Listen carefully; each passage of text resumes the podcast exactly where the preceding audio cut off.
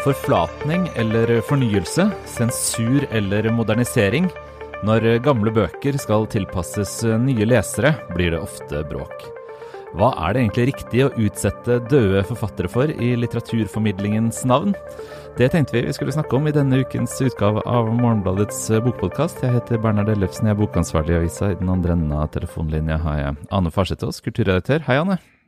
Hei, Bernhard. Ja, det dumpet ned i postkassen her eh, noen bøker. Det gjør det jo temmelig ofte. Det gjør det vel hver dag, egentlig. det gjør det hver dag. Eh, men eh, denne gangen var det noen bøker jeg hadde hørt om før. Eh, Alexander Kielland. Eh, I fire, altså fire bøker av Kielland. Eh, en av de fire store. og de er altså gjenutgivelser, som vi tenkte vi skulle snakke om i denne episoden, da. Og moderniseringer. Ja, og moderniseringer det er jo ofte noe som kan vekke, vekke harnisk både på det ene og det andre planet. Altså, noen mennesker er jo veldig motstandere av språklig fornying. -hmm. Andre ganger handler det om at man endrer innholdet for å tilpasse det til vår tids lesere. Men det er vanskelig å se for seg hva skal være noe kontroversielt eller omstridt rundt Kielland. Uh, det, Foreløpig er det ingenting kontroversielt eller omstridt rundt Kielland. Det var jeg som hadde lyst til å snakke om det. Men uh, det er jo et kontroversielt spørsmål. Vi skal komme inn på dette med om man renser opp i politikken uh, f.eks. Men, men dette her er egentlig enda litt mer spennende, syns jeg, fordi det er mer uoversiktlig. Altså, For et par-tre år siden så kom um, Magnhild Holkes Alice sønn ut i en ny utgave. Det var en bok jeg hadde skrevet om, og så jeg var, fulgte veldig med på. For jeg var så glad for at den kom ut igjen. Og, det var etter en biografi av Magnhild Folkvord som hadde kommet. Og ja, en litt sånn revival for denne trøndelagsforfatteren fra mellomkrigstiden og senere Magnhild Holke. Ja, og det var jo ikke en forfatter som eh, alle hadde hørt om på det tidspunktet da den kom ut igjen og du begynte å skrive om det. Jeg hadde i hvert fall ikke hørt om Magnhild Holke. Nei, jeg prøvde vel å si at ingen hadde hørt om henne. Det viste seg i mailboksen etterpå at det var litt feil. Eh, det var noen som fortsatt hadde hørt om henne, men det var få. Eh, det var en, hun var jo i realiteten en glemt forfatter. Eh, og så kom Alice sønn, da, hennes debutroman, eh, som også er en soleklart beste roman, eh, fra midten av 30-tallet, ut i ny utgave. og den var modernisert i språket. Og det gjør man jo når man gir ut klassikere på nytt nå, da rett og slett? Ja, det, det, må man jo. Altså, og det er jo et premiss når vi leser Unnskyld. Eh, Knut Hamsun f.eks. i dag, så det står jo ikke 'dig, meg og sig'. Det, dette var forfattere som skrev innenfor et dansk eh, språkparadigme. Eh, det står ikke 'at gå', det står 'å gå'. Altså sånne ting. Det står ikke mm. 'efter', men 'etter'. Sånne ting blir jo gjort hele tida. Så det er jo en del av normalen, så å si, at vi ikke møter 1800-tallets litteratur eh, direkte sånn som den ble skrevet. Ja, ikke sant? Særlig siden den ble skrevet på dansk, da. Et annet språk, ja. rett og slett. Eh, men eh, da Alice sønn utkom, så, så vakte det faktisk litt eh, brudulje og debatt, eh, som du antydet her, da, som ikke Kielland ennå har gjort. Nå får vi se om vi mm. vekker bruduljen. Men eh, Jon Hårberg, litteraturforsker og litteraturprofessor på Blindern, han skrev et essay i Klassekampen da, hvor han gikk knallhardt i rette, må vi vel kunne si, med, med moderniseringen av Alice sønn. Han var uh, veldig lite uh, imponert over uh, arbeidet forlaget hadde gjort. Ja, hva var det som var galt da, mente Aarberg? Nei, altså han På en måte så Jeg, jeg syns jo dette var veldig interessant tekst, da, fordi den reiser noen av de problemstillingene som, som gjør meg nysgjerrig når vi snakker om uh, moderniseringer og sånn i litteraturformidlingens navn. Fordi han, han går jo gjennom hva forlaget sier de har gjort med romanen. De sier at de har um, glatta ut litt sånn den mest den mest spesielle dialektbruken i romanen, der det blir vanskelig å forstå. For dette er en roman som bruker dialektord veldig aktivt fra, fra Nord-Trøndelag. De har uh, liksom retta uh, Hva skal jeg si da? Tankestrekbruken hennes, som er veldig egenartet. De har, ja, for hun strør om seg med tankestreker. Hun gjør virkelig det. De har modernisert uh, skrivemåten, da, sånn som du var innom, med Hamsun også. Og så har de forklart uh, dialektord, altså i en sånn ordliste, da. Og så viser han punkt for punkt hvordan han mener egentlig at kvaliteten er for lav. Men så er det to ting, da. han finner noen feil, og det er jo veldig bra at en litteraturforsker går inn og viser at uh, her har det rett og slett blitt noe feil. Uh, en, altså et ord for en sel har blitt et ord for en manet i stedet, og han viser hvordan det kan ha skjedd. Det er jo godt, uh, godt påpekt og nyttig. men så er det en sånn understrøm her av at han ikke vil ha den moderniseringa, rett og slett. Eller at den var modernisert nok forrige gang. Mm. og det er jo der det blir et mer et sånt diskusjonsspørsmål enn rødpenn og, og hva som har skjedd. Hva, mm. hva, hva, tenker du liksom generelt når det kommer til dette spørsmålet om å, å skyve eh, klassikere, eller glemte klassikere, da, som det var i Alice Sønns tilfelle. Garman og Vårs er jo ikke glemt. Eh, liksom et, Men det er kanskje ikke så mye lest heller? Nei, ikke sant. Eh, et knepp nærmere leseren for en utgivelse. Hva tenker du sånn generelt ikke om sant? det? Her har jeg liksom flere umiddelbare reaksjoner. Eh, det ene er at sånn ren språklig modernisering. Uh, vi har snakket om dette her før. Jeg er veldig lite opptatt av uh, ortografi og rettskrivning generelt. Og jeg syns ikke at det, det, plager meg ikke, og jeg legger ikke merke til det, rett og slett. Jeg syns ikke du syns ikke det hemmer deg som kulturredaktør, da, at du ikke er opptatt av det? Vet du hva, det er så mange som er opptatt av det, så jeg syns faktisk det er en styrke for Morgenbladet å ha én person som ikke er så opphengt i rettskrivning. Ja, for jeg, jeg er jo mer på rett, For jeg mener at det er veldig mye annet som er mye viktigere i litteratur og skriving enn rettskrivning betydning. Og eh, jeg er veldig glad i Kristin Fridtun har skrevet en bok om språkfeilirritasjon. Mm. Og jeg er nok veldig på hennes side der jeg stiller meg litt spørsmålet det, det, er noe med den voldsomme aggresjonen overfor såkalt eh, språkfeil eh, som jeg ikke helt klarer å se står i forhold til det som tross alt bare er vaner og, og normer. Altså man eh, irriterer seg så mye over dette her som skulle være lovbrudd eller umoralsk. Eh, men, men, dette er jo bare konvensjoner som endrer seg over tid. Mm. Så jeg, som umiddelbart så tenker jeg ja da, bare, bare fornye vei når det gjelder dette rent språklige. Mm. Så kommer vi til det innholdsmessige, og da er det jo selvfølgelig Vi kjenner alle til diskusjonene om å fjerne ting som har blitt politisk betente betegnelser for folkegrupper som man ikke bruker, som er belastende. Men det er jo ikke det det er snakk om her i Holke. Det som jeg syns var mer interessant med å lese den diskusjonen der, det er jo skal man fordi at det som er spesielt med henne, er jo at hun bruker veldig mye dialektord. Mm. Eh, og at det er et litterært prosjekt for henne. Mm. Å få dialekten inn i språket. Og da syns jeg det blir mye mer eh, av et problem. fordi hvis det er selve stilen, da fjerner man jo et vesentlig element ved hva hun ønsket å gjøre med sin litteratur. Altså opphøye den dialekten hun hadde til å bli et litterært språk. Mm. Og da syns jeg man går litt på eh, Da går det litt utover det litterære prosjektet. Samtidig så kan jeg forstå det kommer an på settingen. Altså for oss som kritikere, for oss som er vant til å lese mye, for akademikere, der mener jeg det er jo en selvfølge at vi vil ha tekstene med historisk eh, patina, og mm. at vi må slå opp for å forstå hva ting er, f.eks. Men, eh, men jeg kan forstå at når det gjelder pedagogikk og få yngre lesere, få folk som rett og slett bare faller av og tenker dette ja, dette, dette, får jeg ikke med meg. Eh, at mm. det kan finnes et sånn pragmatisk argument. Da. Men det kommer an på hva som er målet. Ja, det, det syns jeg er viktig å få opp med en gang. da. Det pragmatiske spørsmålet, i hvert fall. Jeg er nok tilbøyelig til å, å liksom dele de to og si at de, som profesjonell leser og, og, som erfaren leser, da, også på sofaen, eh, så ville jeg ikke ha disse moderniseringene, rett og slett. Eh, jeg synes de, skal, Vi skal snakke om Garman og Vorse litt også. Eh, jeg syns det gjør tekstene blekere og merkelig tidløse. Jon Hårberg har en god formulering av at denne øya, for det foregår på en øy, handlingen i Alice sønn, den er jo ikke fri, frikobla fra tid og rom, men det kan man ofte få følelsen av. og det synes jeg gjelder flere moderniseringer. At de får eh, mm. handlingen i de moderniserte tekstene til å føles som om de um, finner sted på en tidløs og stedløs øy. Uh, mm. Så jeg liker ikke det.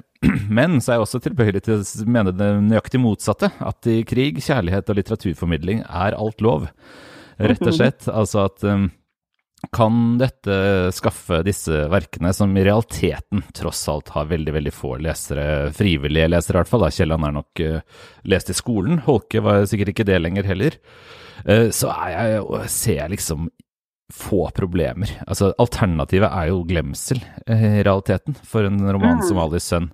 Og da mener jeg at hvis noen får det til, og med den boka så gjorde de faktisk det. Altså, den fikk jo et helt nytt liv uh, gjennom at den ble løftet frem og, og, og, gjenutgitt, og den har blitt spilt på scenen, og den leses på nytt, osv.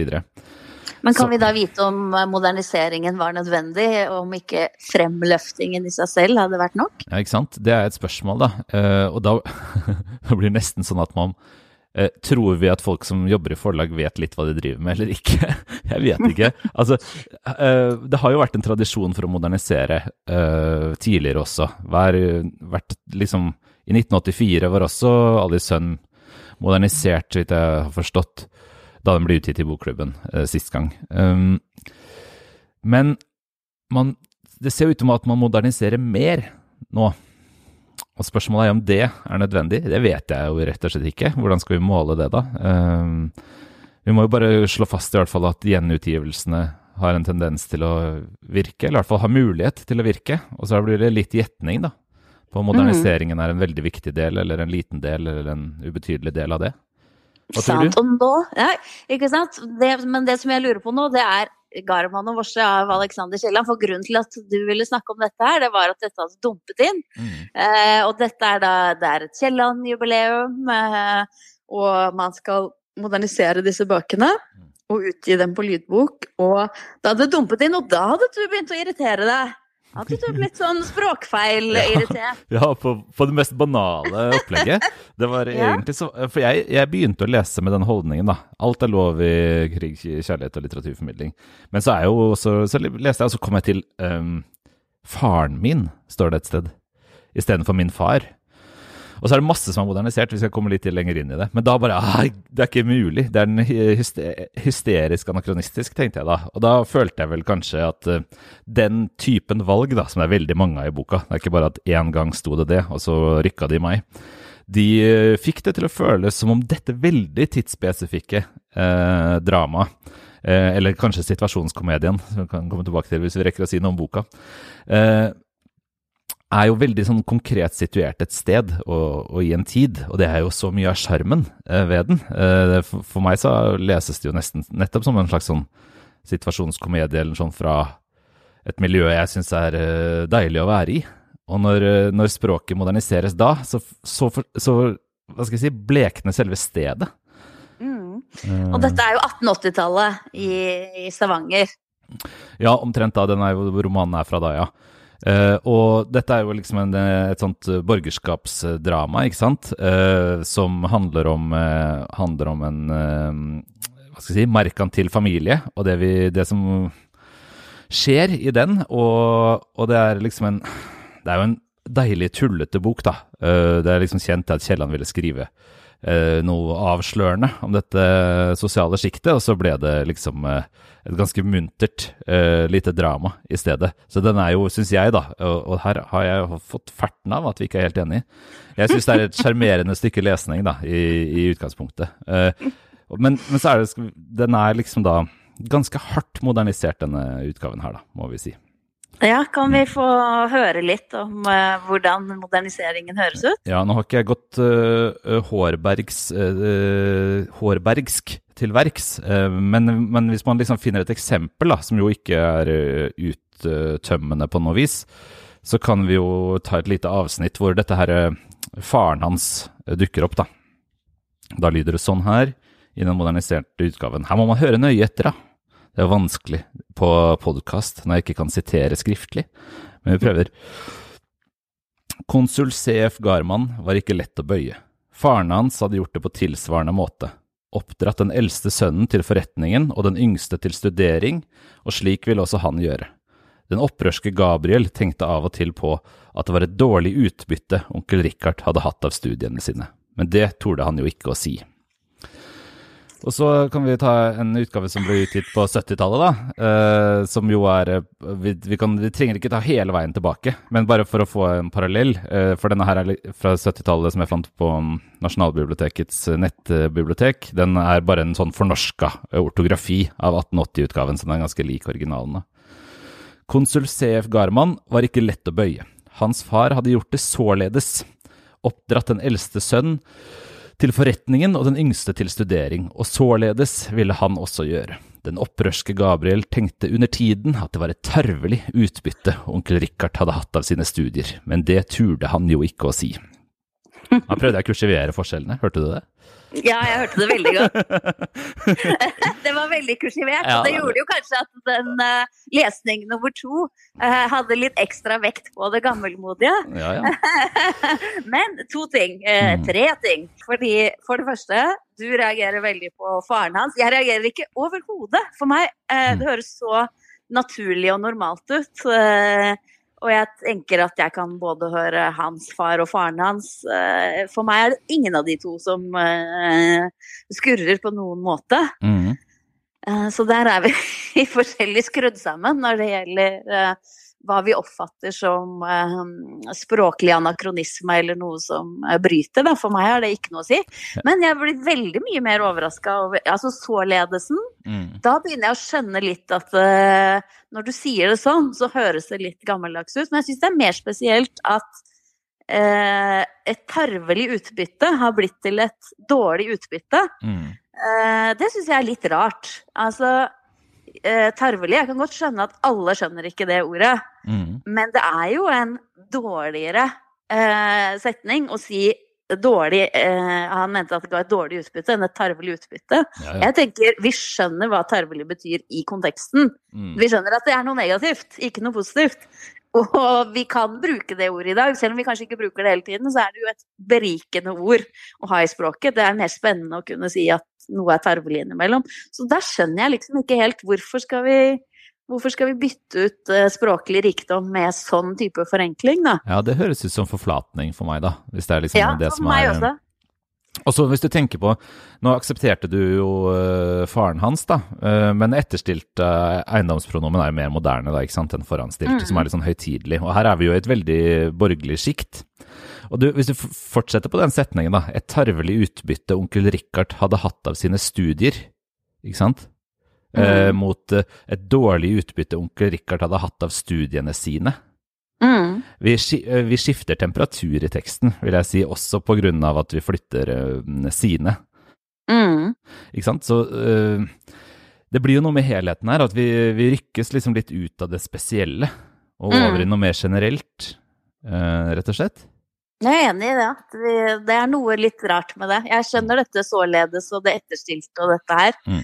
Eh, men jeg skjønner ikke helt uh, det, jeg, Vi leste litt nedover i avsnittet, og da så vi at det var flere andre eh, lignende ord. da. Som, ja, den neste, neste ja. setningen er, begynner sånn i den bare fornorskede ortografien fra 70-tallet. da. Fru Garman var av den anskuelse at det just var Altså prikk, prikk, prikk. Mm. Fru Garman syntes det var akkurat.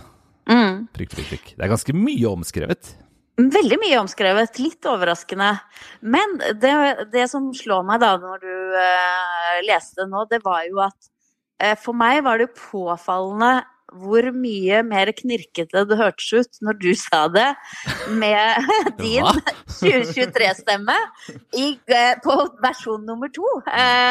fordi det var så langt unna hva du ville sagt til meg. Sånn at Eh, det, det, var akkurat som at når jeg leste det på papir, så syns jeg ikke det Jeg syns den var kjempelettlest, Jeg hadde ingen problemer med 70-tallsversjonen. Mm. Når du sa det, så ble det litt mer knirk. Og det kan jo være at det er det knirket man ønsker å, å unngå her. Og spesielt Ja, for det er noe spesielt her fordi at dette skal også være lydbøker. Ja, det var det vi Når vi diskuterte dette på forhånd, så, så demret det vel litt eh, for oss. At, for vi snakket jo så vidt eh, om er det noen flere som kommer til å lese dette her, da? Eh, det vet vi jo ikke. Når Aldis sønn kan vi jo liksom se litt at fikk et gjennomslag. Men dette her er jo nye bøker, så det er jo for tidlig å si, rett og slett.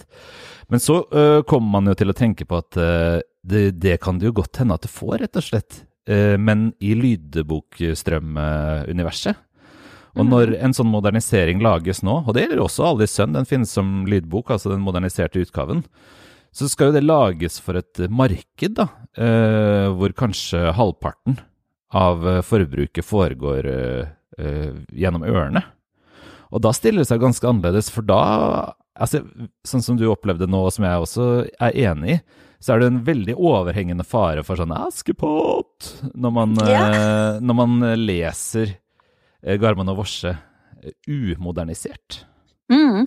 Og her skal det jo være altså Tore Renberg skal lese inn disse, en annen populær Stavanger-forfatter, ikke sant. Skal mm. gjøre sitt da for at Stavangers store forfatter skal nå ut til folk. Mm. Eh, og jeg kan på en måte skjønne hvis, hvis lydboken er det primære, hvis lyd er det primære, kan man tenke seg det? At her har vi kommet til det stadiet at lyd er det primære, og at teksten skal tilpasses opplesning mellom en 2023-oppleser og en 2023-lytter. Kan det være at det eh, har konsekvenser for den skrevne eh, teksten?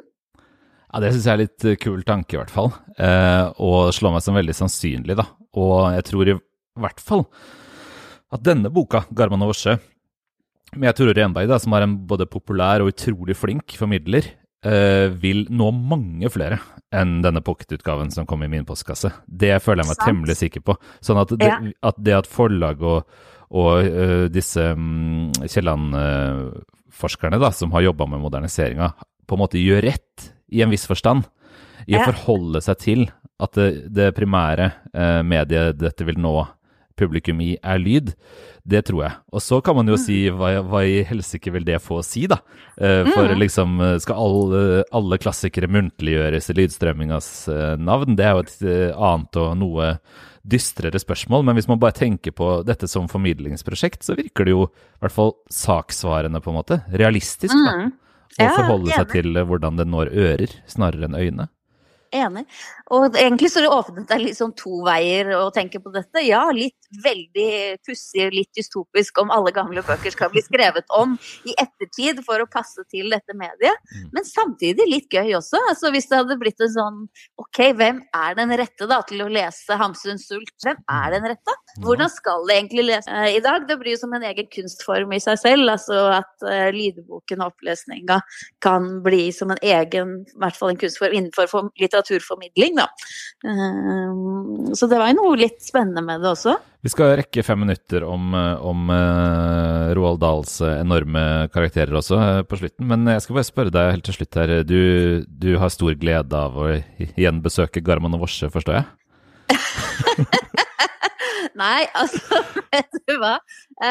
Jeg prøvde å lese den boka for noen år siden, og mm. da syns jeg den var ganske så kjedelig. Uh, Eh, nå, hvis jeg skulle deljet på litt, så ville jeg sagt at det er en slags provinsiell eh, First Price-versjon av Middlemarch eller Buddenbrocks, Som prøver å være den store, realistiske romanen som eh, skal både fortelle om samfunnet, underholde, være psykologisk, alt dette her. Men jeg syns bare den er mye stivere. Mm. enn uh, hva de, de, største romanene uh, innenfor dette paradigmet er. Da. Og så tenkte jeg når jeg, når jeg har lest den, så har jeg tenkt alltid på Knut Hamsun og hans ikke sant? Da han uh, slo igjennom, så derjet han jo løs mot uh, Kielland og Lie eh, som superkjedelig og bare balle og landtur osv. Og, så og vi vet hvorfor han gjorde det, og at modernismen var flink til å uh, feilkarikere realismen som altfor enkel. Mm. Men samtidig, når jeg leste Garman og Vorse, så må jeg innrømme at jeg tenkte at det var litt sånn. da, At det ble veldig på overflaten, og at disse middagsselskapene og sånn ble litt landtekkelige. Eh, og så så jeg jo at Kielland selv skrev, mente også at eh, han hadde tenkt å skrive noe alvorlig, men disse satans mennesker er så kistefornøyde at det er til å gråte over. Ja, det er vidunderlig, da. ja. En herlig, herlig, vurdering av eget verk, uansett land, hvilke bein han landa på da han skrev det. Ja, men uh, det, jeg kommer jo til å fornærme hele Stavanger uh, hvis jeg slår fast dette nå, så jeg må nok kanskje gå enda litt grundigere hvis jeg skal felle en endelig dom. Ja. Men jeg er, ikke, jeg er ikke solgt, og jeg jeg eh, er ikke sikker på om eh, Kielland eh, er så lett å selge inn i dag, ja. men du mener noe annet? Ja, Thomas Mann var jo ikke enig med deg. Han lot seg jo sterkt inspirere til å skrive nettopp Buddenbrooks av, av Kielland. Det er jo litt interessant.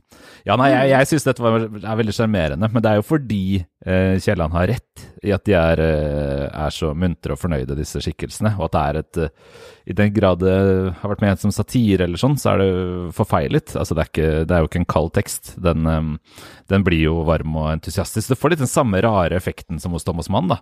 At hvor, Der hvor man liksom føler at det skal kritiseres et sosialt miljø, eh, og, og, det liksom skal henges ut, da. så får man egentlig bare lyst, sånn som i Trollhundsfjellet, til å sitte der på den terrassen og, og ha pledd over, over, seg og se på Alpene og drikke porter og lese om Ocean Steamships, liksom. Det er, det er, jo, en, det, er jo det der at det er tiltrekkende, disse miljøene som egentlig kanskje skal henges ut litt, da. Nå høres det ut som det kunne blitt en uh, Netflix-serie, vet du, med oppdatert, uh, mangfoldig cast og ja, ja, ja. overklassesetting. Eh, og så er det åpningen på Garman og Vorse, da, som, eh, som jo eh, er fantastisk. Eh, jeg må bare lese de første setningene. Det, det, de er selvfølgelig utrolig berømte, da, men uh, fantastisk. Og dette er fra den nye utgaven. Her har de vært forsiktige. Det tror jeg er med ah. god grunn. Ja, eh, intet, for den er litt for berømt. Ja, det er ikke, det, det kunne, Tenk om det hadde begynt med ingenting istedenfor intet.